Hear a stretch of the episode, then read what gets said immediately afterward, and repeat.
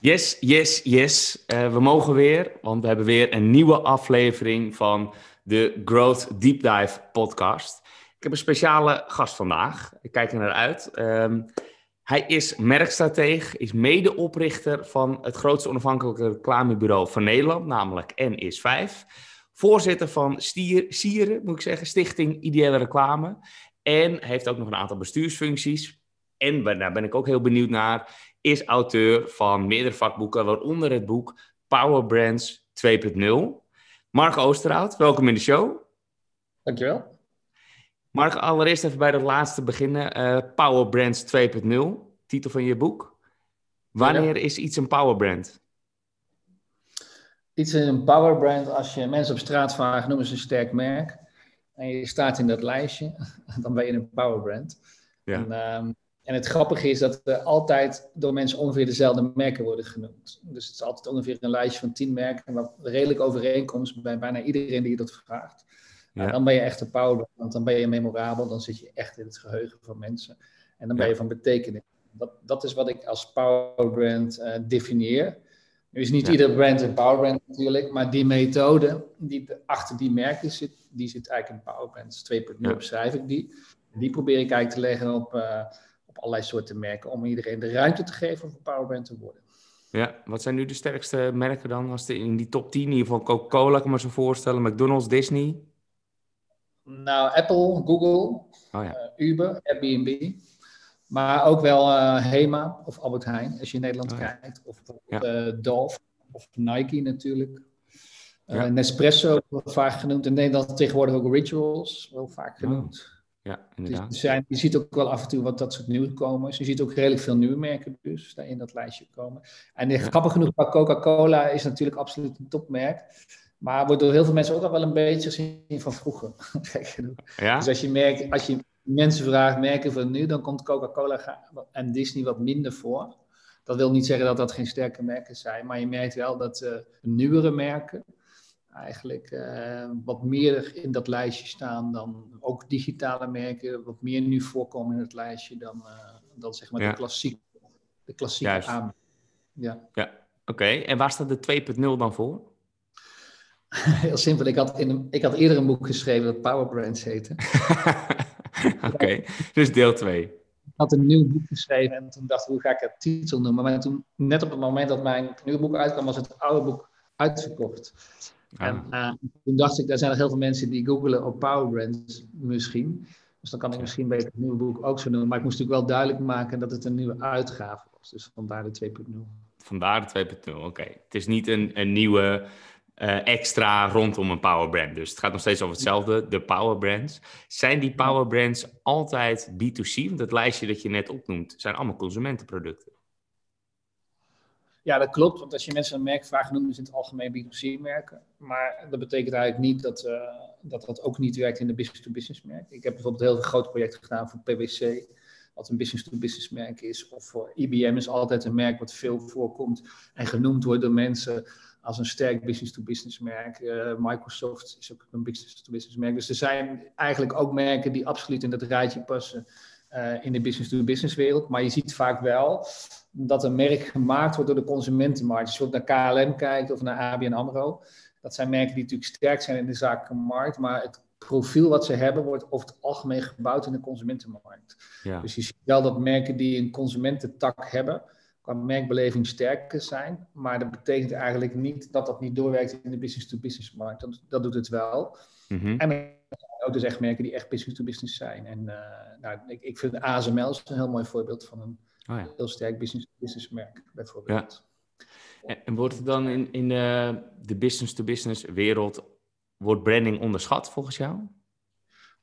Het, het, het, steeds minder. Dus het was heel lang onbelangrijk. Uh, het was veel meer sales-driven, dus marketing was sowieso natuurlijk minder belangrijk. En uh, wat je nu ziet is eigenlijk een verandering. Dus je ziet eigenlijk dat het bewustzijn van een merk ook in die markt geldt. Het is ook grappig, dat heeft ook te maken met de aandelenkoers. Dus wat je mhm. ook ziet is dat een sterk merk toch een belangrijke invloed heeft ook op de beurs. Een beleving, zal ik maar zeggen, van een aandeel. Dus je ziet ook dat daar de behoefte aan een sterke positionering groter aan het worden is. Ja, ik noemde net ASML even, maar die zijn zich heel erg bewust van hun beurspositie En, en, zien ook bijvoorbeeld dat dat belangrijk is zeg maar, in de waardering. Je ziet het ook bij grote beursgangen, zoals thuisbezorgd, dat soort dingen zie je terug. Dus, dus je ziet dat die beleving sterker wordt. En ook in de business-to-business markt zie je veel meer professionalisering van marketing. Dus, uh, dus traditionele verkoopgeoriënteerde uh, business-to-business trajecten is eigenlijk veel meer aan het opschuiven naar marketing. En daarmee wordt een merk natuurlijk ook belangrijker. Ja, dus dat heeft ook vooral met het imago te maken dan, uh, waardoor het waarschijnlijk populairder wordt. En dan heeft het dus positieve invloed op de beurskoers. Moet ik het zo zien? Ja, ja als je, er zijn heel wat podcasts over beurzen en beleggen. En, ja. er is, een, een, regelmatig wordt een top 4 genoemd van belangrijke criteria om een beurswaarde te bepalen. En de eerste criterium is een sterk merk. Hm. Dus, dus, met andere woorden, de merkbeleving speelt ook op dat niveau een rol. En dat zien natuurlijk businessbedrijven nu ook, dat dat toch van belang is. Waarbij ze vroeger dachten dat dat er niks mee te maken had. Dus daarom is dat wel een groeiende belangstelling. Ja, oké. En dan kunnen wij als B2B growth hackers een voorbeeld nemen aan ASML. Die hebben het volgens jou van goed op de rit. Ja, die hebben natuurlijk, nou, kijk, die hebben natuurlijk om te beginnen een heel sterk product. Het, het voordeel aan een heel sterk product is dat je merk ook natuurlijk heel erg productgeoriënteerd is maar daardoor ook automatisch sterk is. Uh, je hebt overigens ook heel veel business-to-business merken die veel moeilijker geprofileerd zijn, omdat mensen niet zo goed begrijpen wat ze precies doen. Uh, maar je ziet wel dat er een bewustzijn is dat, dat als je een sterk merk hebt, dat dat effect heeft op, je, op de manier waarop je op, op de beurs wordt beleefd. En omdat steeds meer mensen ook beleggen, zie je gewoon dat die waarde daar eigenlijk uh, goed beleefd wordt. En ASML ja, doet dat, vind ik, heel sterk. Niet dat zij volgens mij een hele sterke marketing strategie hebben, maar je ziet in hun communicatie dat ze zich bewust zijn van het feit wat het doet met de waarde. Dus de manier waarop zij met hun berichtgeving omgaan, de manier waarop zij met de coronacrisis omgaan. Dus je ziet dat ze daar een heel uitgebalanceerd beleid, communicatiebeleid op hebben. En dat vind ik wel een teken van merkbeleving. Ik zeg niet dat ze de klassieke merkpositioneringstraject helemaal doorlopen hebben, dat weet ik eigenlijk helemaal niet. Maar zo komt het wel op mij over dat ze daar goed over nadenken. Ja, en kun je het ook andersom stellen dat nou, misschien heb je wel een voorbeeld van bedrijven die er gewoon niks aan doen. Uh, die, die, je dus ook of afglijden. Maar misschien is het ook wel leuk om, om, misschien weet je die voorbeelden waarvan je zegt, nou, dat is eigenlijk een wonder vanuit branding oogpunt, dat die bedrijven het nog steeds juist wel goed doen. Nou, er zijn er best als je naar beurswaarde kijkt, best wel veel. Want er zijn heel veel beursfondsen waar je nog nooit van gehoord hebt, denk ik. Uh, dus in die zin zijn die er best wel veel. Dus ik zeg ook niet dat het niet kan. Hè. Ik zie alleen een, een, een groeiende belangstelling ervoor. Dus het belang ervan uh, neemt toe. Heel mooi voorbeeld is ook dat Adyen, weet je wel, die, maakt, die doet, doet betaalservices. Dat zit ergens in. Dat is niet, daar kan jij niet voor kiezen als consument. Uh, maar je ziet wel wanneer de betaling via hen gebeurt. En je ziet gewoon dat de beurswaarde van Adyen wel degelijk ook gemaakt wordt door de belangrijkheid die dat product heeft in, uh, in, in, in het betalingscircuit. En zij doen er ook moeite voor om dat zichtbaar te maken. Dus op je afschrijving, op je bankafschrijving zie je dat ook staan. Hè? Dat zij die betaling afhandelen doen of op ja. e-commerce sites. Dus, dus je ziet dat daar wel een beleving is ontstaan en uh, dat dat belangrijk is. Maar er zijn natuurlijk ook ja, klassieke beursfondsen die dat helemaal niet doen. je kunt ook denken als grote merken zoals ja, maar de Randstad van deze wereld, de Apples, uh, in het buitenland de Googles. Dat zijn natuurlijk allemaal en hele succesvolle merken en heel erg succesvol op de beurs. Dus, dus het heeft met elkaar te maken. En je ziet dat de beleving, eh, dat het met elkaar te maken heeft, of de, de, de beleving is verkeerd wordt, de, de, de, ontdekking dat dat met elkaar te maken heeft, er is. Waardoor je ook ziet dat dat soort bedrijven meer gaan nadenken over de betekenis van een merk. Mhm. Wat ze in het verleden eigenlijk niet doen. Maar er zijn natuurlijk, blijven natuurlijk altijd merken. Uh, ja, waarvan je ook als kijker afvraagt, wat doen ze in godsnaam? Ik heb er nog nooit van gehoord en ze staan toch goed op de beurs. Dat kan natuurlijk ja. Ja, precies. Want zijn er bepaalde branches waar branding gewoon minder belangrijk is? Nou, weet je waar branding minder belangrijk is? Als, een markt, als er maar heel weinig aanbieders zijn in de markt. Dus mhm. als, er, als er eigenlijk, als je bijvoorbeeld een, een klassieke duopoly, uh, dan is het wel eens zo dat je eigenlijk niet veel anders kan dan één of twee kiezen. En dan zie je vaak dat de markt 50-50 uh, verdeeld is. Hè. Dus dan zie je eigenlijk dat die twee partijen zich in balans houden. Dan wordt er over het algemeen, en zeker als het dan meer in de business-to-business segment gaat, minder sterk op branding uh, geleund, zal ik maar zeggen. En dat scheelt ook marketingkosten. Dus je kunt je voorstellen als je um, sterk bent in de markt, dan is een van jouw belangrijke bewegingen kan zijn dat je de marketingkosten naar beneden kunt brengen, doordat dat niet meer nodig is. Dus je ziet het ook bij groeifondsen. Als je dus bijvoorbeeld thuisverzorging mee zit, die moeten nu nog groeien. Dus deden ongelooflijk geld aan marketing. Maar uh, iedereen weet dat zo'n dienst als thuisverzorging, dat je er eigenlijk maar één of twee in een land kan hebben. Want meer heb je daar niet nodig. Ja, Liefst binnen take zo. Omdat er één is, dan zie je dat de marketingkosten naar beneden gaan. Dus, dus het is ook, marketing wordt ook gebruikt om het op te pompen, om die groei mogelijk te maken. Op het moment dat die groei gerealiseerd is, zie je eigenlijk dat ze ermee ophouden. Maar bijvoorbeeld een andere markt, dat eigenlijk ook een duopolie is, is Pepsi-Cola en Coca-Cola. En die besteden juist heel veel geld aan marketing.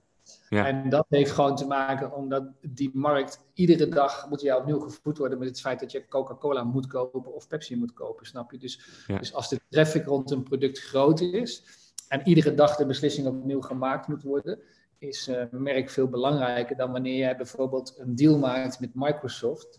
Dan maak je die meestal voor meerdere jaren, snap je? Dus je kiest één keer voor Microsoft en dan ga je niet zomaar wisselen. Dus, dus de dynamiek van de markt bepaalt ook heel erg ja, hoe de dynamiek van de branding is, zal ik maar even zeggen. Ja. Juist, en hoe vertaal je dit dan uh, naar Google, wat ook bijna een monopolie is, zou je bijna kunnen zeggen? Ja, Google adverteert ook heel weinig, hè, als je kijkt naar Maar Google heeft wel, uh, dat wel overigens gedaan om positie te verwerven, vooral in landen waar al sterke zoekmachines waren. Dus ze hebben dat wel degelijk gedaan. In het begin ook in de Verenigde Staten, toen was Yahoo de grootste zoekmachine. Toen zijn zij met Google gekomen en toen hebben ze wel degelijk ongelooflijk geld aan marketing besteed. Maar ze hebben natuurlijk ja, volledig weggedrukt. En met het wegdrukken daarvan uh, ja, zie je ook dat dat brandingstuk in dat opzicht minder belangrijk is. Maar kijk, als je naar Google kijkt wat Google aan innovaties doet, dan zie je wel degelijk dat daar ook heel erg met een branding wil gekeken wordt, snap je? Dus, ja. En als je kijkt naar hun vormgeven van hun logo en hun huisstijl en hoe ze Google doortrekken in alle dienstverleningen die ze hebben, van de Google Maps tot et cetera, dan zie je wel degelijk dat daar een hele sterke merkbeleving is. Alleen die uitzicht wat minder in marketingcampagnes, om de dood eenvoudige reden omdat er eigenlijk geen concurrentie is. Ja, nou heeft Google ook een paar jaar geleden een uh, mini rebrand gedaan, uh, als ik het zo kan noemen. Want eigenlijk is alleen het logo volgens mij iets moderner gemaakt. Uh, geen schreef meer, het was wat hoekiger geworden. Was dat nodig volgens jou? Hoe kijk jij daarop terug? Nou, kijk, wat je ziet bij, bij designs, sowieso zijn designs van logo's veel dynamischer dan vroeger. Dus vroeger was het zo dat je eindeloos lang hetzelfde logo had. En tegenwoordig zie je eigenlijk dat er een permanente aanpassing is. En dat komt eigenlijk door digitalisering. Dus door de digitalisering zijn wij gewend geraakt dat alles bewegelijk is. En dan zie je ook dat logo's veel minder statisch zijn. Als je bijvoorbeeld kijkt Vroeger was het Heineken-logo echt het Heineken-logo en daar, heb ik nooit iets mee gedaan. Tegenwoordig wordt het Heineken-logo gebruikt eigenlijk als communicatiemiddel. Hetzelfde geldt voor Nike. Als je ziet hoe flexibel Apple en Nike zijn met hun merkbeeld, dan is dat heel anders dan vroeger. Dus dat noemen we eigenlijk dynamische merken. En ik denk dat Google in die, in die uh, sfeer past. Want Google speelt bijvoorbeeld ook heel vaak met hun logo in op actualiteit dan staat in één keer in het vakje iets anders, uh, een bepaalde illustratie of een inspelen op een belangrijk evenement. Dus, uh, dus Google gebruikt zijn logo ook echt als communicatievehikel. Ja. En, uh, en, ja, en in die zin is het wel belangrijk dat je merk steeds met de tijd meegaat. En het gekke aan vormgeving is, pas als je het nieuw doet, zie je hoe ouderwets het oude is. Snap je? Dus het is ook soms gewoon het gevoel wat je moet uitbrengen. Wij zijn bij de tijd, snap je? En dan zie je dat bijvoorbeeld gegeven moment worden ronde letters belangrijk. Of dan komt, weer, komt er een soort retro gevoel weer in. Weet je, dan worden inderdaad van schreef en schreefloos. Dus dat zijn ook wel tendensen in de markt. En daar moet je als merk wel in mee blijven bewegen. Omdat mensen dat nooit als reden zullen geven. Maar ze hebben wel een gevoel erbij. En het gevoel van bij de tijd zijn is voor een merk wel ontzettend belangrijk. Ja, ik zie het ook wel eens fout gaan. Een, een rebrand waarvan je denkt, jeetje jongens, wat doen jullie nou? Ja, je ziet het natuurlijk regelmatig fout gaan, maar dat zit hem eigenlijk meer in. Kijk, sommige merken weten niet wat hun belofte is. Kijk, als je naar merken kijkt, dan is er eigenlijk maar één ding echt belangrijk. Wat beloof je aan de wereld? Oh en de meeste rebrandings gaan fout, of brandingoperaties gaan fout, omdat de belofte die ze neerzetten niet helder is, of niet relevant is, of niet meer relevant is. En dat, dat gebeurt met regelmaat. Kijk, Als ik kijk naar bijvoorbeeld uh, ING op dit moment vind ik een heel mooi voorbeeld. Die hadden naar mijn gevoel met uh, hun, uh, voor iedereen die vooruit wil, was het voor, voor, voor, voor, voor wie vooruit wil, als een hele sterke positionering waarbij zij heel erg het innovatieve domein claimden van financiële dienstverlening, van betaaldiensten. En nu hebben ze een soort positionering gekozen, do your thing. Dat gaat dan heel erg over autonomie, over vrijheid.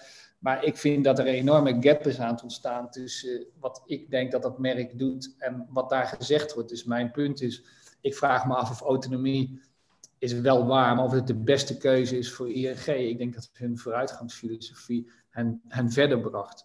En, uh, en je ziet het ook aan de communicatie, dat je krijgt je hele abstracte filmpjes eigenlijk. Dat je denkt, ja, waar gaat, het, waar gaat het eigenlijk nog over? Dus, dus je ziet dat grote merken soms in één keer de weg kwijtraken en het even niet meer weten. En ik vind ja. ING daar op dit moment wel een voorbeeld van. Ja, oké. Uh, en dan komt NS5 in beeld en die kan dat uh, recht trekken, toch? Reclamebureau. Maar het is misschien dan goed te zeggen, ik weet niet, is, nou, primeur is het niet, maar ik ben eigenlijk weg bij NS5. Oké. ja. ja. dat wil niet, niet, helemaal weg in die zin. Ik heb het bureau mee opgericht en ik werk ook nog af van het bureau.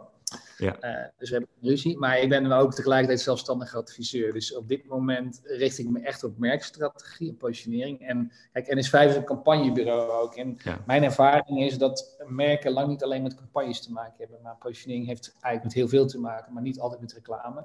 Ja. En, ik, uh, en dat is een van de redenen waarom ik nu los opereer, is omdat ik van breder wil werken. En dat heb ik nu ook. Dus ik heb nu een portfolio aan merken die lang niet allemaal grote campagnes maken. Want ik werk nu ook voor start-ups of inderdaad voor business-to-business merken die wel een merkpositionering nodig hebben, maar niet een grote campagne. Dus, dus um, dat, dat heb ik een beetje uit elkaar getrokken. Want ik vind dat het niet altijd met reclame te maken heeft. Ja. Maar dat betekent niet, ik werk ook nog voor NS5. Dus het is niet zo wat ik zeg dat ik, dat ik het niet meer doe. Maar ik werk op dit moment meer zelfstandig dan met NS5. Ja, oké, oké. Okay. Ja, ja, makes sense. Ik zag wel een beetje... Ik zag hem ook niet meer bovenaan staan op je LinkedIn. Hij is een beetje weggedrukt. Dus uh... Ja, hey, ik heb even een drietal uh, stellingen voor je. Die mag je met eens of oneens uh, antwoorden. Achteraf gaan we daar nog even op in. Um, het zijn er drie, dus drie korte antwoorden. Eerste, marketeers onderschatten altijd de kracht van een merk. Ja, eens. Eens. Interessant. Marketeers stoppen nooit genoeg tijd in het laden van een merk. Dus ook als die er al is. Dat ben ik ook eens. Oké, mooi. Um, het reclamevak zal alsmaar moeilijker worden in de toekomst. Ja, ben ik het ook mee eens. Eens, eens, eens. Mooi. Um, even die eerste. Uh, marketeers onderschatten de kracht van een merk? Gaat toch fout, fout volgens jou? Ja, nou wat ik, wat ik jammer vind aan marketing is dat het te veel sales is geworden. Kijk, en, en, en, sales moet je ook hebben, hè? dus uh, begrijp me goed. Maar marketing is eigenlijk nadenken over behoeften en over een belofte en op de langere termijn. Kijk, een merk doe je niet voor morgen alleen. Dat doe je eigenlijk omdat je continuïteit op termijn wil bouwen en dat je waarde wil ontwikkelen. Ik vind dat marketing nu heel erg gaat over de dag van morgen. Ja. En, en de verklaring daarvoor is dat uh, de digitale wereld waar we in zitten, zorgt er natuurlijk voor dat er constant reuring is en dat je constant ook het gevoel hebt dat je daarop mee moet. En daarmee vind ik juist dat de lange termijn uit het oog verloren wordt, terwijl een merk eigenlijk gaat over die lange termijn value, zou je kunnen zeggen. Ja. Dus ik vind dat dat te veel uit het oog verloren wordt. Ik, ik heb wel het idee dat uh, de wal het schip aan het keren is. Dus dat op een gegeven moment is de rek ook uit al die sales. Uh, campagnes, zal ik maar zeggen. Dat heet dan met een mooi woord digital marketing, maar ik vind dat helemaal geen marketing. Ik vind dat digital sales wat we dan doen. En ik vind dat marketing bedreven moet worden, omdat ik denk dat je daarmee ook meer onderscheid kan creëren en uiteindelijk meer waarde kan opbouwen. Dus dat zou ik iedereen die in marketing werkt oproepen om daar vooral ook tijd aan te besteden, omdat uiteindelijk verdien je er meer mee. Ja, goede toelichting, die ik overigens helemaal onderschrijf. Ik herken dat ook. Als wij vaak uh, bij klanten starten, dan uh, is het heel vaak een uh, soort van marketingopdracht. Maar ondertussen is de boodschap, ja, we hebben morgen meer leads nodig. Dus kun je zoveel leads voor ons genereren. en dat is natuurlijk een vorm van digital marketing, zou je kunnen zeggen, lead gen, maar heel erg korte termijn gericht. Dus dat is wel echt een ander vak binnen de marketing dan een brand bouwen. Ja. ja. Um, die laatste wilde ik nog eventjes naartoe, want het reclamevak zal alsmaar moeilijker worden in de toekomst, zeg je. Ja, dat vind ik wel, omdat uh, het aantal kanalen wat je, waar, wat je zeg maar uh, moet bedienen of kunt bedienen, die zijn enorm toegenomen. En het is er eigenlijk niet makkelijker op geworden. Het lijkt makkelijker, hè, want je zegt er is meer mogelijk.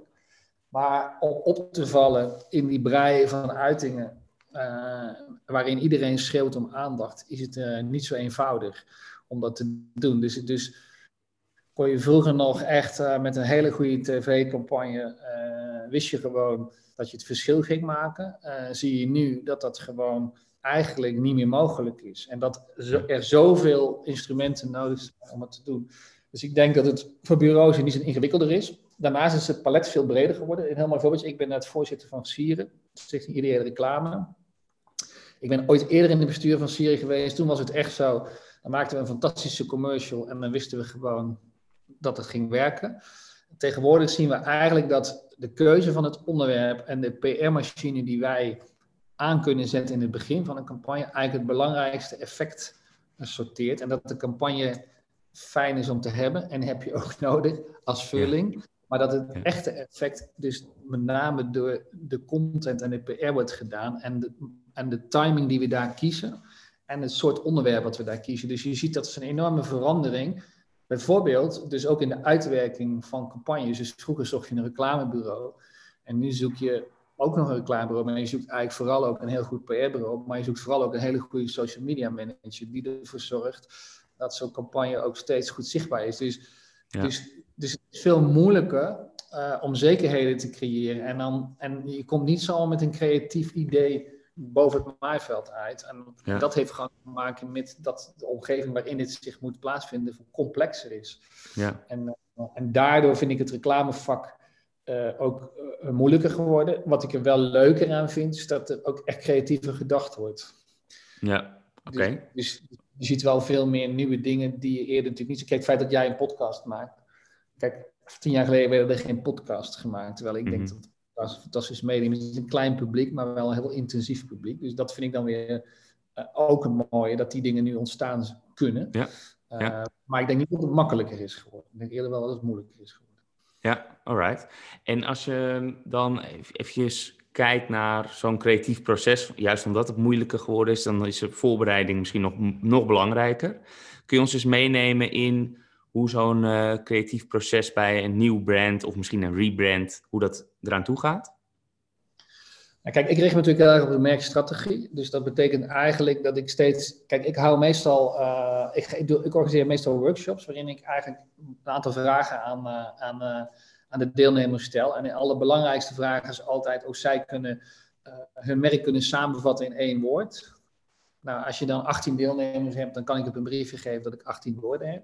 Ja. Terwijl de bedoeling is dat dat eigenlijk één woord zou zijn. Dus, dus het, het nadenken over de essentiële betekenis van je merk, teruggebracht tot één woord, is bijvoorbeeld een oefening om dat heel scherp te krijgen.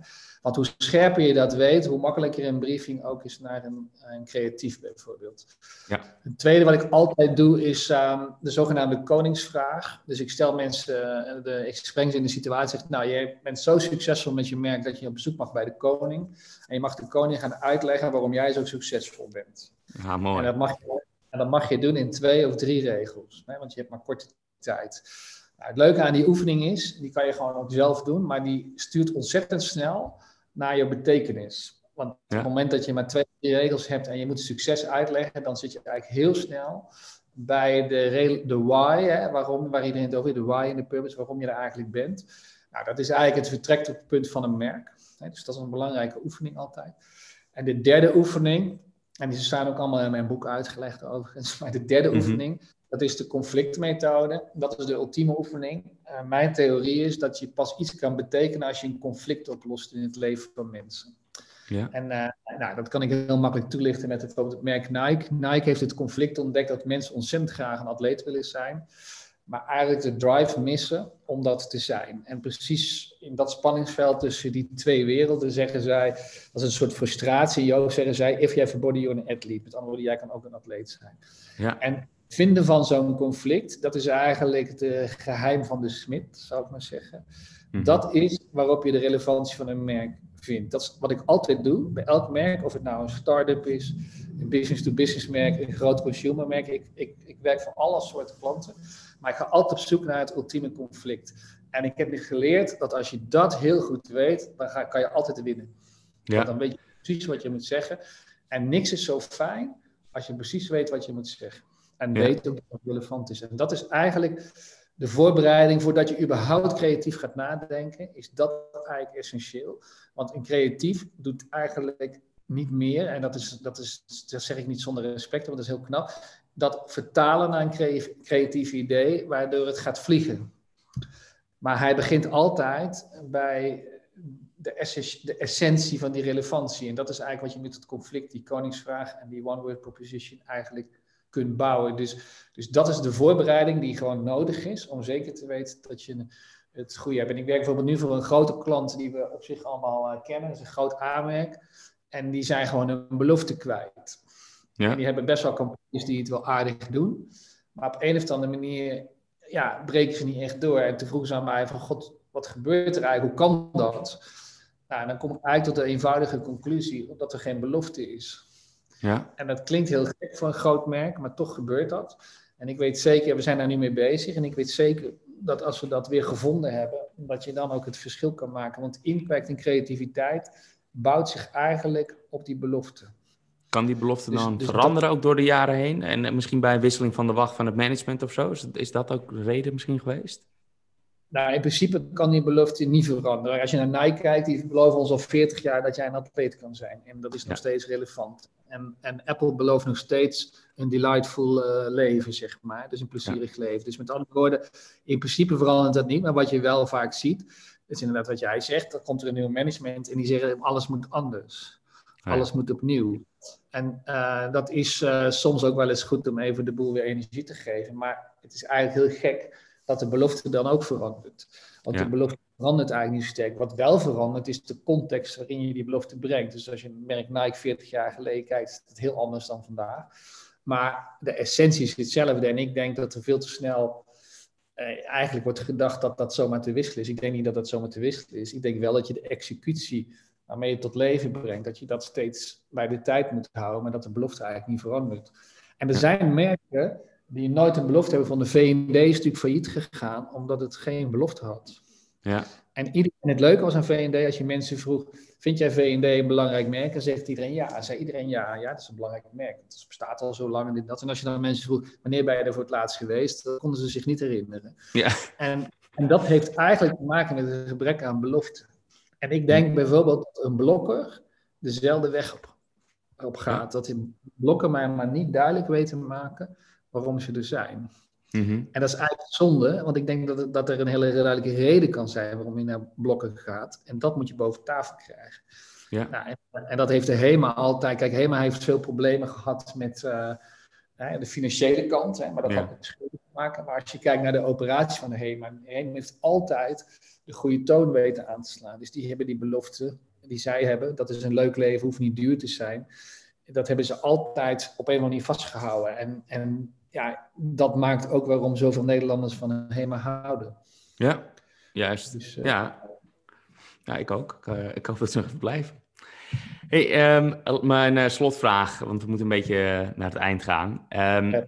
Is altijd, als je nou één tip moest geven aan de beginnende marketeer, in dit geval natuurlijk in de hoek van ja, merken en de, de strategie eromheen, wat zou jouw ultieme tip zijn?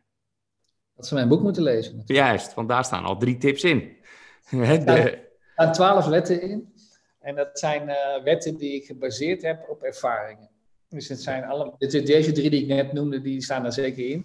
Er staan nog, uh, nog stuk, wat, wat andere in, maar dat zijn eigenlijk gewoon uh, wetten die ik verzameld heb in de tijd en ook getoetst heb in de praktijk. Dus ik zou die adviseren te lezen. En ik heb op dit moment een nieuwe serie in Adformatie, het vakblad. Schrijf ik iedere maand een, uh, een nieuw een essay, ook weer over wetten in merkdenken. En dat bouwt zich op naar een nieuw boek. Dat gaat Brand Culture heten, maar dat komt volgend jaar uit. En ja, ik zou dat. Ik zeg niet omdat ik vind, mensen moeten natuurlijk zelf weten wat ze doen. Maar ik probeer daar in ieder geval alles wat ik geleerd heb in de 25 jaar dat ik dit doe.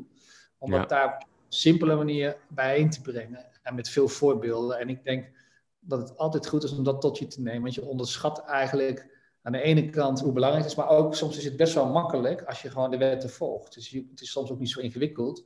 Maar het is soms wel eens lastig omdat je dingen moet kiezen die je misschien niet durft te kiezen. Snap je? En mhm. dat is waar, dat boek ook bij helpt. Hè? Waar ja. zit nou de werkelijk en durft die stap ook te maken. Dus, en dat lef, dat zou ik iedereen uh, willen meegeven.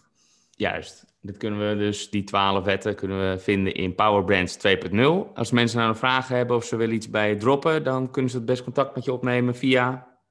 Ze kunnen mij LinkedIn, gaat eigenlijk altijd het makkelijkste. Ja, dat is wel vaak het makkelijkst. Alright, nou hartstikke goed. Uh, Mark, ik wil je enorm bedanken voor deze mooie insights, want ik heb in ieder geval veel geleerd. Dus, uh, nou ja, top. Graag gedaan. Hartstikke yes. leuk. En uh, nou ja, laten we een mooie merk gaan, gaan bouwen. Ik uh, ben in ieder geval druk met mijn eigen merk bezig. Dus ja, waarschijnlijk zie je hem straks inderdaad ook wel voorbij komen. Hè? Goed. Oké. Okay. Yes, top. Dankjewel. Oké. Okay.